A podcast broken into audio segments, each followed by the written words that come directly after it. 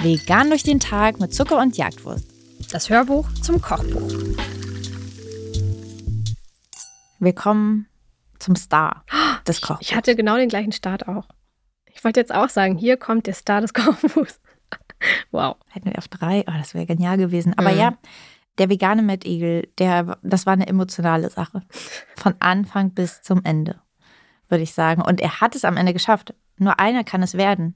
Nur einer schafft es aufs Cover des Kochbuchs und es ist der vegane Mettigel geworden.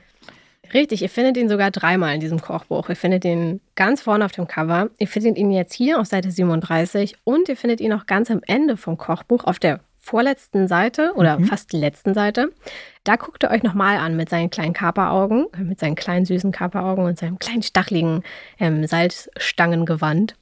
Am Anfang haben wir es als ganz normales Rezept eingeplant und irgendwann wurde es dann, wurde er iconic, würde ich sagen. Wie auch immer das kam.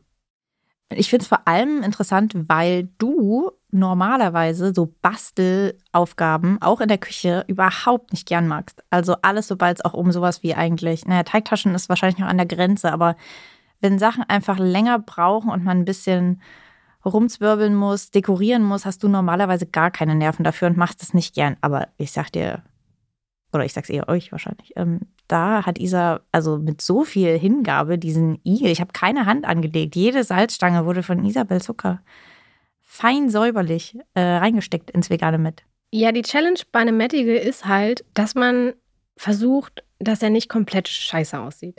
Ähm, wenn man Mettigel jetzt mal im Internet äh, sucht, findet man einfach so viele, so hässliche Mettigel, dass, dass man eigentlich schon gar keine Lust hat, das zu machen, einfach nur weil die Fotos so grausam sind. Chefkoch. Grüße raus an Chefkoch. Weißt du, was mir da aber einfällt? Nee, warte, ich sag das zum Schluss. Deswegen war es so ein bisschen meine Challenge, einen süßen Mettigel zu machen, der wirklich schön ist und nicht so grottenhässlich wie ähm, ganz viele im Internet. Genau, aber ja. Wir haben sogar, vielleicht guckt euch das Bild nochmal genau an, wir haben sogar einen kleinen Mund. Wir haben dem kleinen Mettigel so einen kleinen Mund gegeben. Er lächelt so ein bisschen. Wir haben auf jeden Fall ein bisschen übertrieben. Wir hatten auf jeden ja. Fall zu viele Gefühle ähm, für diesen Mettigel. Ähm, weil, also ich, mir fiel es auch schwer, irgendwas davon zu essen.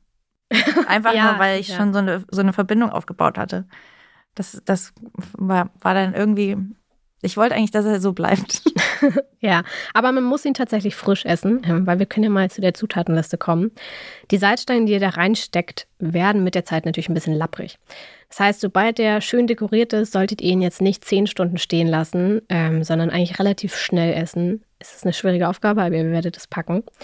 Ähm, genau, wir haben uns für Salzstangen als Stachel entschieden. Man kann natürlich auch Zwiebeln nehmen.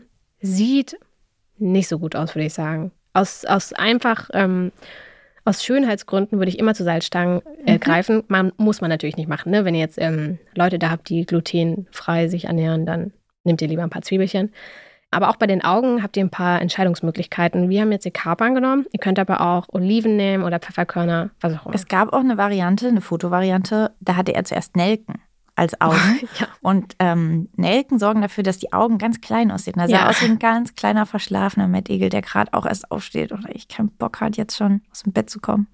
Der hat mir auch richtig gut gefallen. Aber wir haben dann doch die wachere Variante mit den Kapern gewählt. Ich habe dann aber ehrlich gesagt auch überlegt, wie hat es der Igel eigentlich geschafft? Wahrscheinlich durch die Salzstangen, dass irgendjemand darauf kam, oder? Warum ist es denn der Igel geworden, der, der mit Met verbunden wird? Man könnte ja auch andere Tiere draus basteln. Na, klassischerweise isst man Met ja mit ähm, gehackten Zwiebeln auf einem Brötchen. Das ist ja so ein bisschen der Klassiker. Und ich glaube, wenn du viel Met machst und den halt sozusagen ähm, irgendwie zu einem runden Ball formst, was natürlich irgendwie nahe liegt, und dann einfach darüber Zwiebeln gibst, dann kommt wahrscheinlich schnell so ein bisschen dieser Look von irgendeinem Tier, was irgendwelche Sachen auf dem Rücken hat. Ich weiß es aber auch nicht, weil an sich macht es natürlich absolut gar keinen Sinn. Ich fände es auch schön, wenn, ähm, das ist jetzt unser Vorschlag, aber ich finde es richtig schön, wenn ihr heute ein anderes Tier macht und uns davon mhm. ein Foto schickt. Ihr könnt natürlich, also zum Beispiel eine Maus, eine Giraffe, eine ein kleines Katzengesicht. Eine kleine Kleine Katze. Mhm. Ähm, und ich sehe vielleicht auch so Bauwerke oder so, würde ich auch sehen. So mhm, ein Fernsehturm. Mhm. Check ich auch. Man kann ja ein ganzes Dorf basteln, eigentlich. Also ihr könnt auch Menschen nachbasteln. Und da wiederum komme ich übrigens auch noch an meine gerade eingekommene Idee von Chefkoch. Es gibt ein ganz, ganz ekliges ähm, Rezept. Also das Rezept ist wahrscheinlich auch gut. Aber es gibt Menschen, die machen das, haben das schon mal gemacht als Fuß. Kennst du das von Worst of oh. Chefkoch? Und die haben diese Zwiebeln als Nägel. Ja. Oh. krank. Guten Appetit. nee, damit guten, guten Morgen. Morgen. Aber okay, Fuß essen ist ja auch ein bisschen krank, oder? Na, es ist alles irgendwie da ganz, ganz ekelhaft. Aber ich weiß nicht, wieso ich. Stell mal vor, wir hätten das gemacht. Der Mettfuß. Seite 37.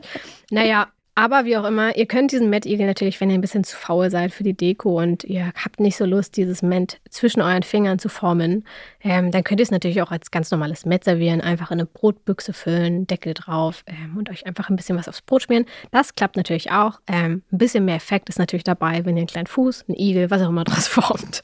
Ähm, um nochmal ein bisschen abzulenken kurz, ich weiß, vielleicht willst du da nochmal noch kurz was zu erzählen, dass ich ziemlich schockiert davon war, dass du fünf Esslöffel Öl in diesen in dieses Rezept gibst. Aber du hast gesagt, das muss man. Genau, also äh, veganes Met zu machen, ist, machen viele. Wir haben ja auch schon ein Rezept dafür auf dem Blog.